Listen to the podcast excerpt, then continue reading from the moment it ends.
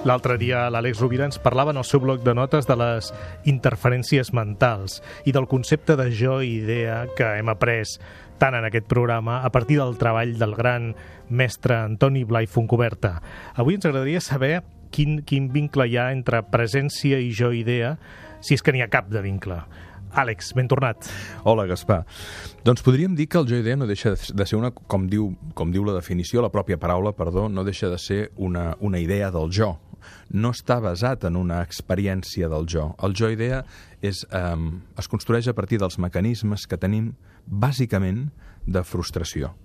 Um, quan una persona viu en la seva experiència no necessita projectar un jo idea el jo idea, d'alguna manera, acull allò que la persona vol realitzar i no pot realitzar, i d'alguna manera es projecta. En el jo idea està el narcisisme, en el jo idea està la por sense objecte. El jo idea no viu en l'aquí, en l'ara.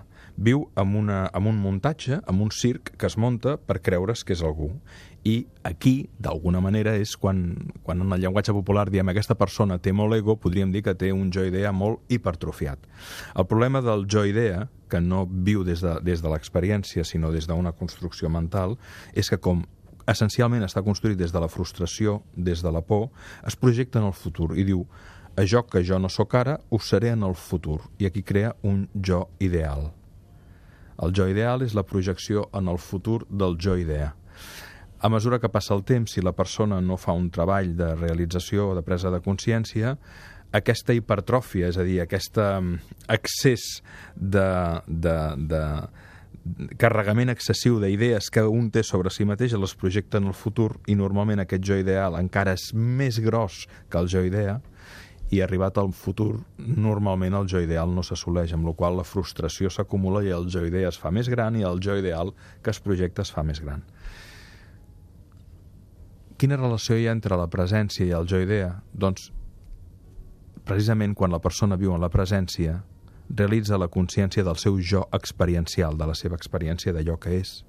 No té que afegir res més a un nivell mental. És allò que és.